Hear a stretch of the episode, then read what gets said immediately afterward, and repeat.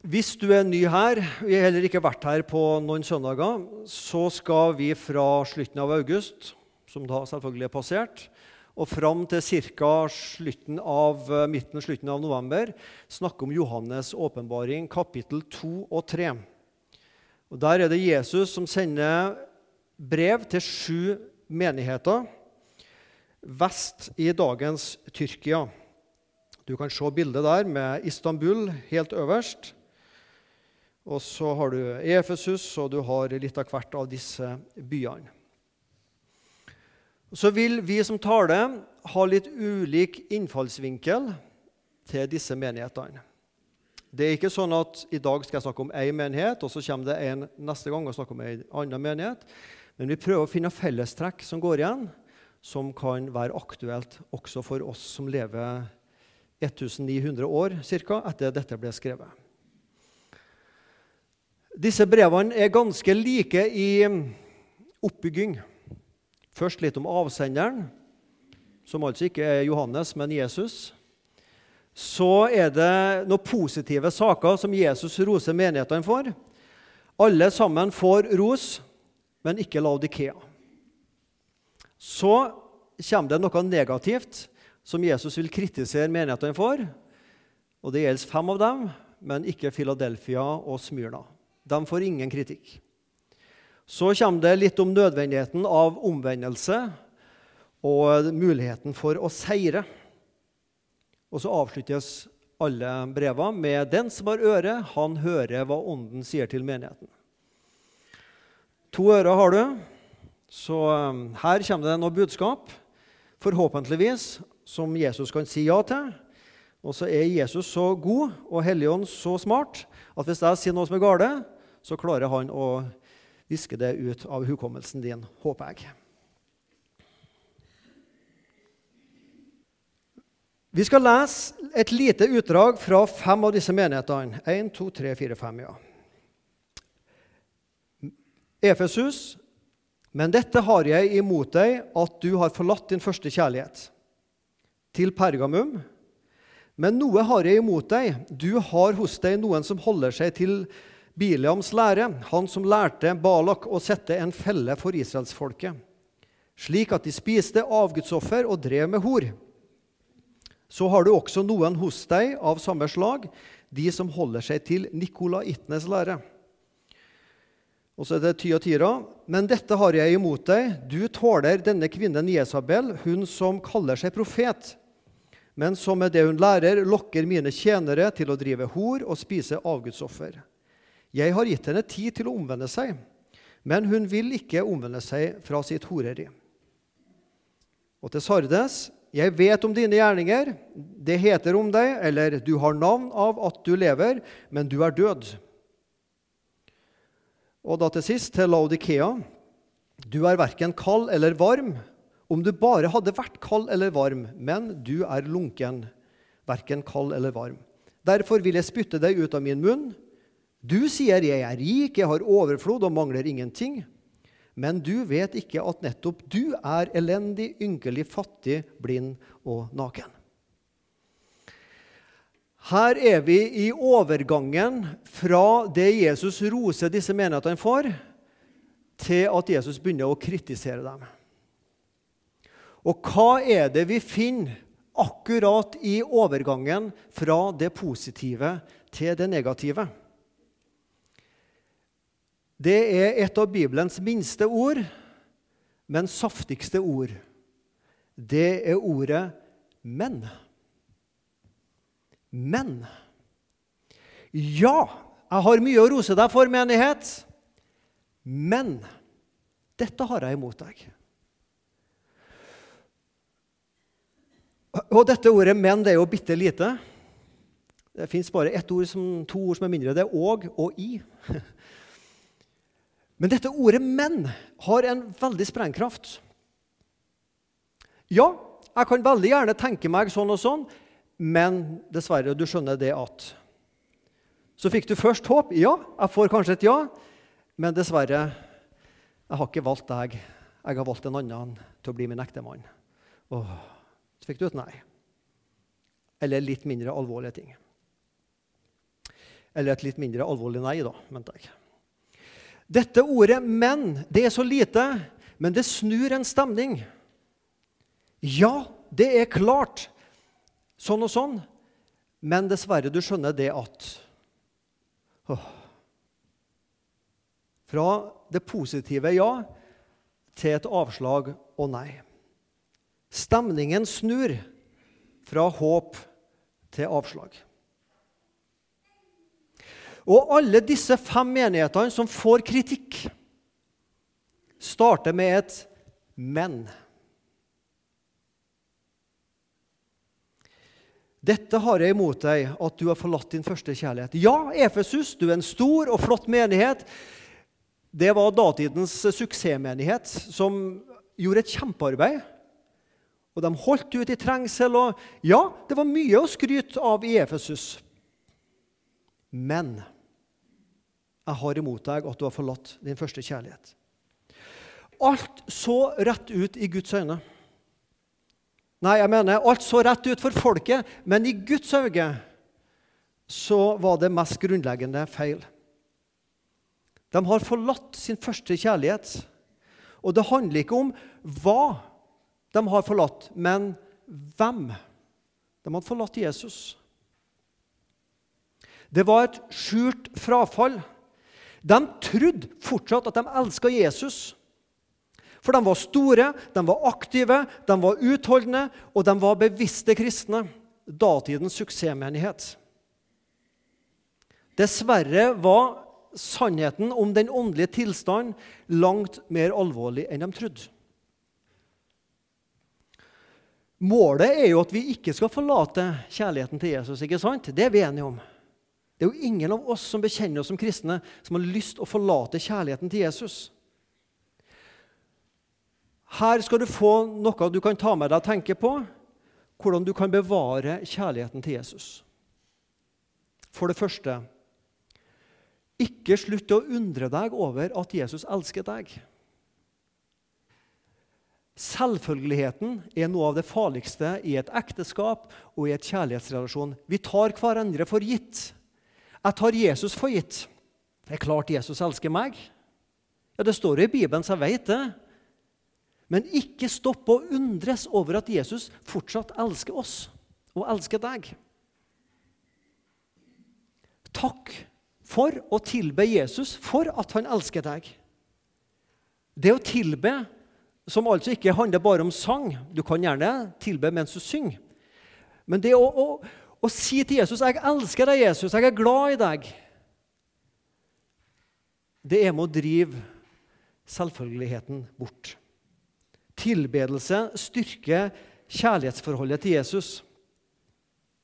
Og still deg også dette spørsmålet Er Jesus viktigst for meg? Og nå skal du høre godt. Ikke spør deg om du kan unnvære Jesus.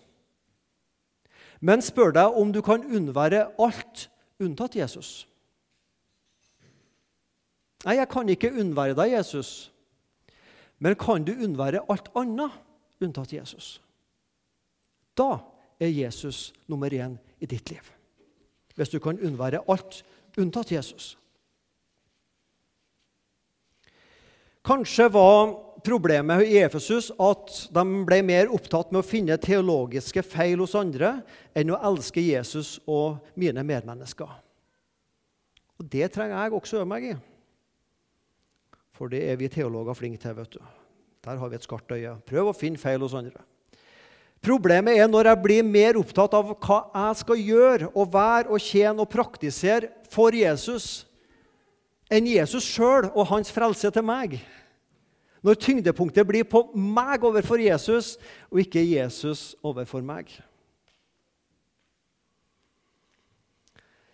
Problemet blir når jeg blir mer opptatt ja, mer hva jeg skal gjøre for Jesus, enn hva han har gjort for meg. Ja. Kanskje var det som var problemet i Efesus.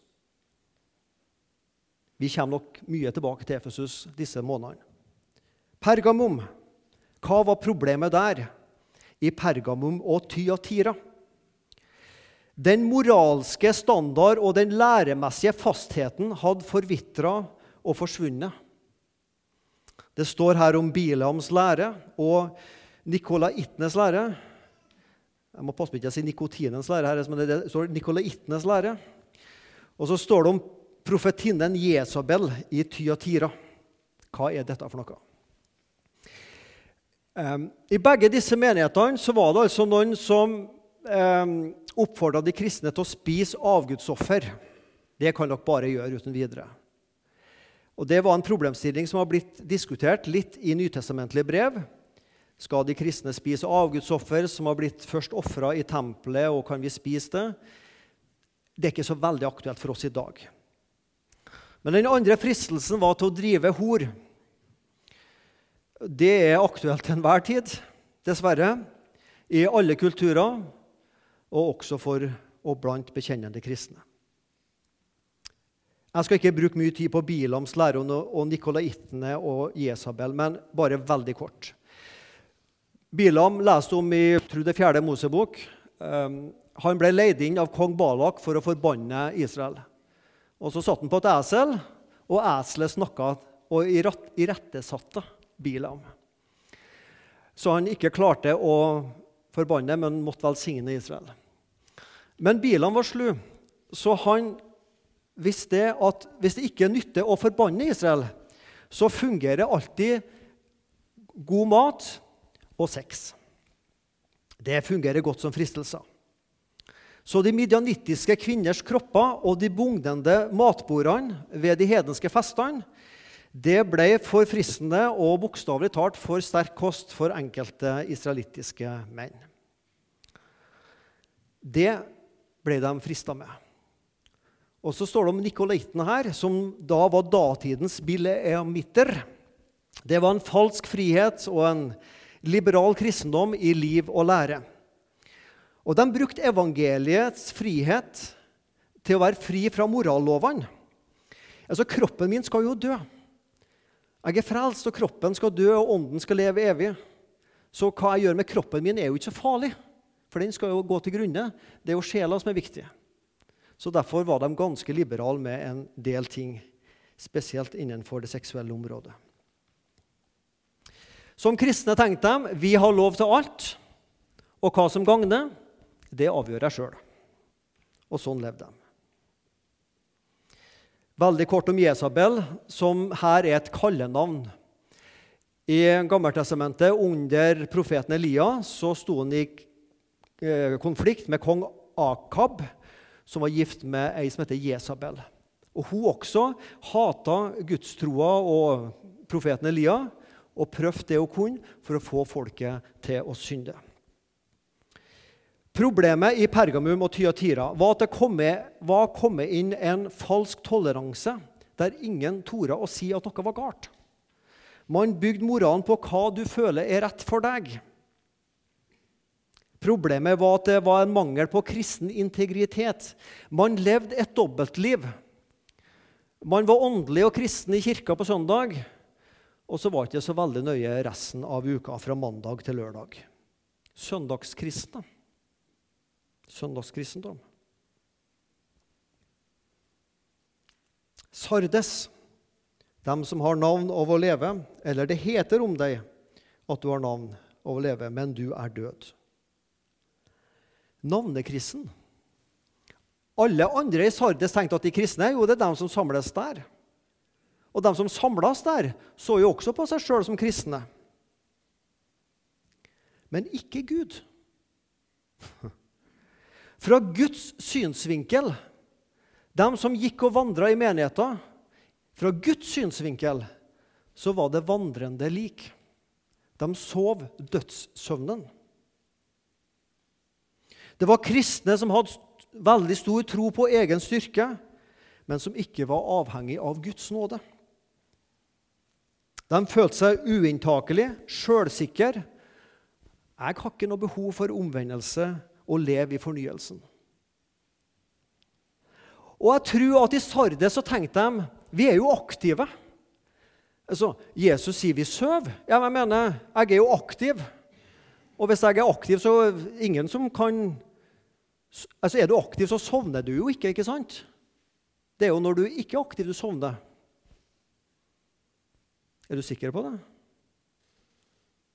Kan du sove og være aktiv? Kjenner du noen som går, og, går i søvne? De er aktive, de. Har ei gammeltante, 85 år, må ha tilsyn av og til. Når eh, hun som har tilsyn med henne, kom på morgenen, så så hun fotspor i skulle det sanden, det er noe annet, men fotspor i snøen. 20 minusgrader ute i Orkdalen. Der hadde hun vært ute og vandra om natta i søvne. Hun sov, men hun var ute og vandra. Heldigvis gikk hun inn igjen. Hun lever ennå. Vi kan være aktive, og likevel så sover vi i Guds øyne. Så aktivitet betyr ikke at vi ikke sover. Vi må unngå å bli vanekristne som de i Sardes hadde blitt. Tok nåden for gitt. Så ta ikke nåden for gitt. La oss leve i daglig omvendelse og bekjennelse. At vi kan bekjenne det vi har gjort, det vi vet vi har gjort og sagt, som er Herren imot. Og Den siste menighet her om Laodikea, som var lunken. De også opp, fikk beskjed vet du, sannheten om deres menighet er en annen enn dere sjøl tror. For de trodde at her står det godt til. Men i Guds øyne sto det ikke godt til der. De trodde de var varmhjerta Kristus-etterfølgere, åndelig rike og sterk menighet som bare det. Men sannheten lunkne, elendige, ynkelige, fattige, blinde, nakne. Det var ikke mye å rope hipp halleluja for i Laudikea. Lunkenhet. Troa hadde ikke blitt personlig. Den personlige relasjonen til Jesus var borte. Kanskje hadde de på en måte stoppa litt på halvveien mellom De var jo ikke kalde. De var jo ikke noen som motarbeidet de kristne og forbanna Kristus. Men de var heller ikke varme, helhjerta Kristus-etterfølgere. Det var noe sånn halvveis midt imellom. Ja, de ville være for kristne, men det må ikke bli for forpliktende å følge Jesus. Jeg husker jeg som 14-15-åring, ny som bekjennende kristen, skrev til noen jeg brevveksla med. Så skrev jeg det at jeg husker ennå hva jeg skrev. Jeg har blitt kristen, men ikke sånn veldig fanatisk kristen. Og det kan nok hende det at jeg, hvis jeg som 14-15-åring visste hvordan jeg var i dag, så ville jeg sikkert ha sett på meg sjøl som en 50-åring som en fanatisk kristen. For det var dem som gikk på gudstjenester og møter og la oss i Bibelen og ba og var med i misjon og sånn. Det var sånn fanatiske kristne. Jeg har blitt kristen, men jeg ville ikke bli sånn fanatisk kristen. ja, Det handler om å vokse i troa. Lunkenheten staves med fire bokstaver S, E, L og V. Selv.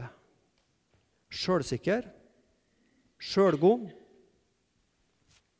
sjølbedrag, sjøltilfreds. Det er navnet på lunkenheten.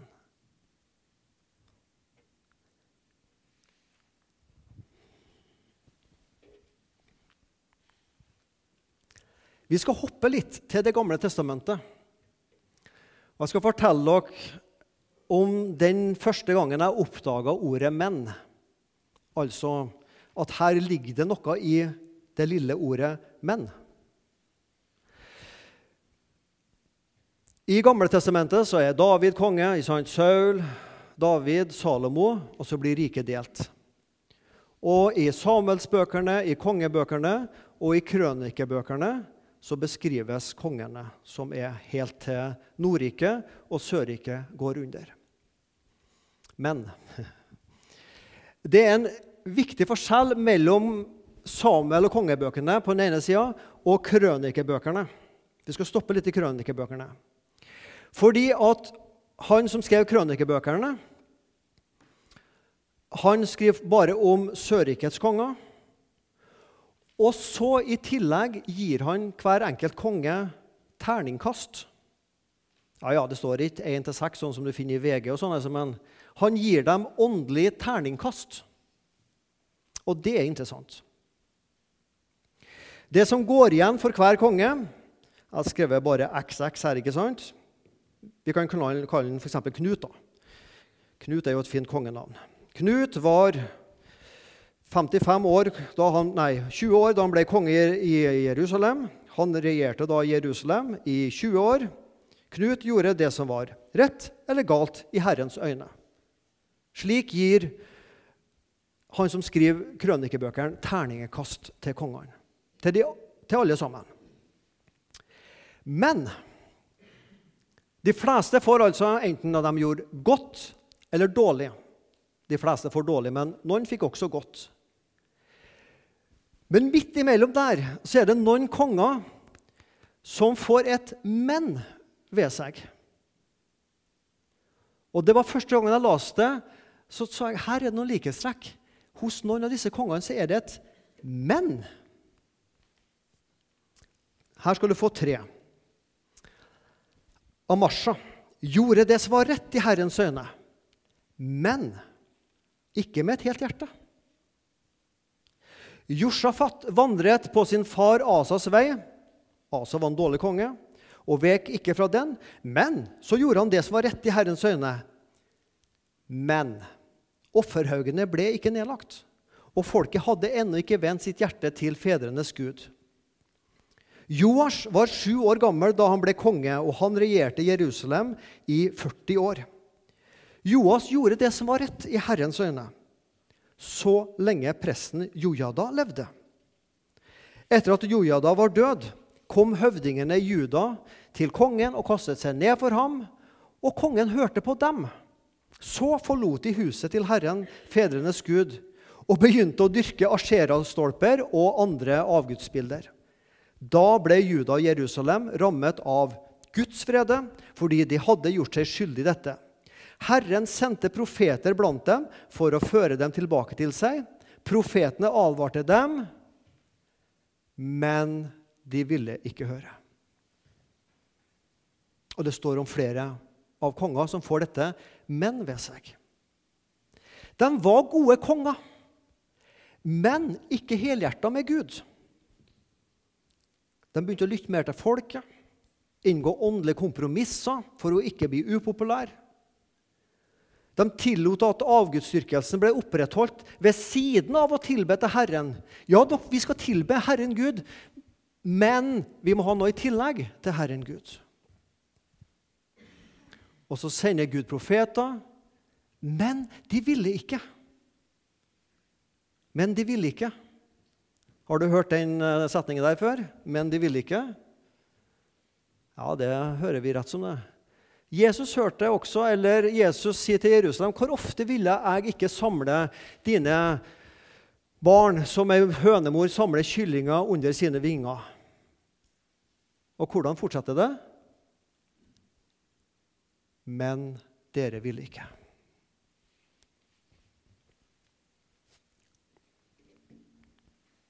Ja, men.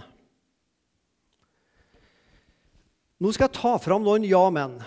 Og jeg vet at det jeg sier nå, vil kanskje ikke treffe. Og noe av det vil treffe litt, og noe vil treffe nesten som en innertier. Så får hver enkelt av oss ta til oss det som vi kjenner at dette treffer meg. Ja, men. Ja til Gud og kristen kulturarv. Men la oss tone ned det her som handler om et personlig forhold til Jesus. da. Ja, til en åpen himmel for alle. Men la oss slippe å høre om fortapelser og djevelen. Ja, til en åpen og tolerant og inkluderende tro. Men la oss snakke minst mulig om Guds ord når den snakker om synd i våre liv, som kan virke ekskluderende på noen. Ja, søndag med møte, gudstjeneste og søndagsskole men hvilken plass har Jesus i familien og i ditt liv resten av uka? Ja, det er klart Misjon skal få min eh, blå 200-lapp i kollekt. Men får Jesus og gudsfrykt styre Visa og VIPS resten av uka? Ja, Misjonssalen skal være en åpen forsamling for nye mennesker. Men nei, det passer ikke akkurat nå uh, å snakke med den og den og inkludere han og hun i vår vennegjeng. Ja, jeg tror jeg har de riktige teologiske meningene, akkurat sånn som Ottosen og generalen har det på podkasten. Og Hvis du ikke vet hva Ottosen og generalen er, så er det NLMs statsminister og hans pressetalsmann. De har en podkast som heter Ottosen og generalen. Ja, vi har de riktige meningene, men får det noen praktiske konsekvenser i hverdagen? da? Er jeg bare en ordets hører, eller er jeg også en ordets gjører? Jeg stiller spørsmåla, jeg må svare for meg, og du for deg. Guds nåde, ja. Men det er jo kjekt å ha noe framgang og seirer i kristenlivet som jeg kan vise fram for Jesus. Hvor dyktig kristen jeg er. Kanskje kan det gjøre meg tryggere i troa? Nei. Vi har, ja, vi har til og med gjort mektige gjerninger i ditt navn, Jesus. Men skal jeg en dag få høre Svein Anton, jeg har aldri kjent deg. Bort fra meg, du som gjorde urett. Matteus 7, 23.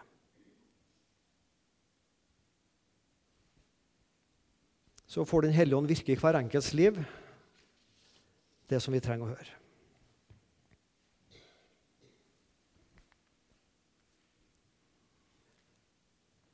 Syns du det ble så alvorlig? Ja, men vi trenger det av og til. Trenger å ransake oss. Trenger å ta inn i hjertet og tro noe som ikke alltid er like kjekt, men som vi trenger å høre. Det er klart disse sju menighetene gledde seg til Johannes kom med brevene. ikke bare får vi brev fra Johannes, men vi får brev fra Jesus. Yes! Nei, det var ikke bare yes i de breva der. Og hvem er vi som tror at Misjonssalen ikke også trenger å få noen menn avslørt for oss? Hvis vi ikke tror det, hvis jeg tror at jeg er så heldig at jeg lever, leder den mest suverene menigheten i Sandnes, og hvis du tror at du er så heldig at du har den mest suverene pastoren i Sandnes, da tar vi alle feil. Det er noen menn i mine liv, og det er noen menn i dine liv. Men jeg har lyst å avslutte med noen positive menn. Ikke som skal sette strek under de salte menn, men som viser at Bibelen har noen positive menn. En av disse kongene som får bare så ørene flagre, for å si det på moderne norsk, i Bibelen, det er kong Manasseh. Han var en av de verste som var. Avgudsdyrkelse ja, det var så ille. Vi kan jo lese det her fra 2. Krønikerne 33. Da talte Herren til Manasseh og hans folk. Men de ville ikke høre etter. Ikke sant? Her kommer det ikke et negativt men. Men de ville ikke høre etter. Derfor lot Herren asyrerkongens hærførere konge mot dem. De fanget Manasseh med kroker og bandt ham med bronselenker og førte han til Babel. Og Der stopper egentlig Samuel og kongebøkene. stopper der. Manasseh, Hvis vi ikke hadde krønikebøkene, så ville vi kun tenkt på Manasse som en av de aller verste. Men vi har krønikebøkene, og krønikebøkenes forfatter tar med, tar med hele historien om kong Manasse. Men da han var i nød, ba han om velvilje for Herren sin Guds ansikt. Han ydmyket seg dypt for sine fedres Gud. Han ba til ham, og han ble bønnhørt. Gud hørte hans rop om nåde og førte han tilbake til Jerusalem og hans kongerike. Da forsto Manasseh at det er Herren som er Gud. Det er hele historien om kong Manasseh. Den Jeg skal ikke bruke ordet drittsekk, for det er for dumt ord, men han var, han var den, en av de mest elendige kongene som var. Men det skjedde noe. Han omvendte seg. Og det gikk fra akk, og det gikk til takk. og det gikk fra fortapelse til himmel, og, og så videre. For Manasseh ydmyka seg for Gud og bekjente sine synder og fikk Guds nåde. Jeg syns det mennet der er så fantastisk. Men da han var i nød, så ydmyka han seg og fikk nåde. Omvendelsens mulighet og nødvendighet. Når Gud sier ett eller flere menn til menighetene, så er ikke det for at Gud vil være slem med oss, men for å få oss til å omvende oss. Rense opp i maskineriet, starte på nytt. Kristendom staves 'starte på nytt' igjen.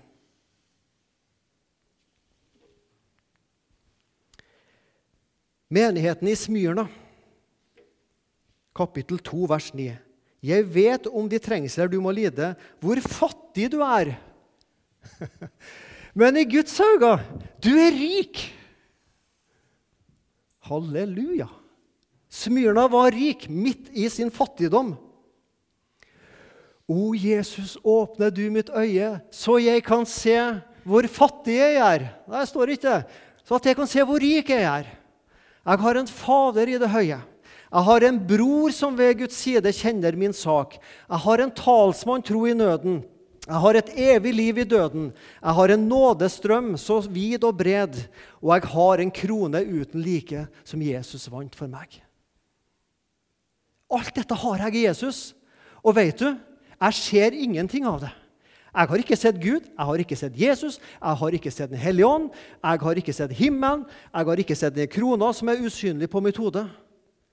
Det viktigste vi har til felles, vi som sitter her, det er det som er usynlig. Men som Gud ser. Jeg er Guds barn. Jeg er Jesu venn. Jeg har Den hellige ånd i hjertet. Jeg har et håp uten like. Jeg er på seierslaget. Jeg har en krone uten like. Og da sier menigheten Takk til dere tre som sa halleluja der. Vi er rike! Smyrna, midt i sin fattigdom, de var rike! For dette eier dem. Når naboen ser på deg Kanskje har du et fint og flott hus, men om du ikke har det, om du har et elendig hus, og du har en gammel Ford Fiasko som er gått ut på dato, så vil han tenke aha, ikke så veldig rik naboen min, nei. Å jo da. Jeg har Gud. Jeg har det viktigste. Jeg er rik midt i min fattigdom. Jesus kom til sitt eget. Hans egne tok ikke imot ham. Og så leser vi resten sammen. Men alle dem som tok imot ham, dem ga han rett til å bli Guds barn, de som tror på hans navn. Men alle som tok imot ham, vi får rett til å kalles Guds barn. Jeg er så glad i de positive menn. Jeg har en to-tre bibler hjemme, litt forskjellige utgaver. En av dem så går jeg på skattejakt av og til, og så setter jeg ring rundt alle mennene. Det er veldig oppbyggelig. Bli oppbygd med Bibelens menn, og ikke frasi deg de bibelske menn som kommer med salt inn i livet ditt. For Gud vil pirke i deg for at vi skal omvende oss og få Guds nåde. Tilgi meg, Jesus, mine menn, de gangene du må si 'men' inn i mitt liv. Men hjelp meg å se dem og hjelp meg å bekjenne dem. Og hjelp meg å søke omvendelse og fornyelse. Hjelp oss som menighet til å se våre menn. At vi ikke som Laudikea tror at vi fikser kristenlivet, vi fikser menighet. Og så er vi ynkelig, fattig, blind og nakne. Herre, kom og kle oss i deg. Amen.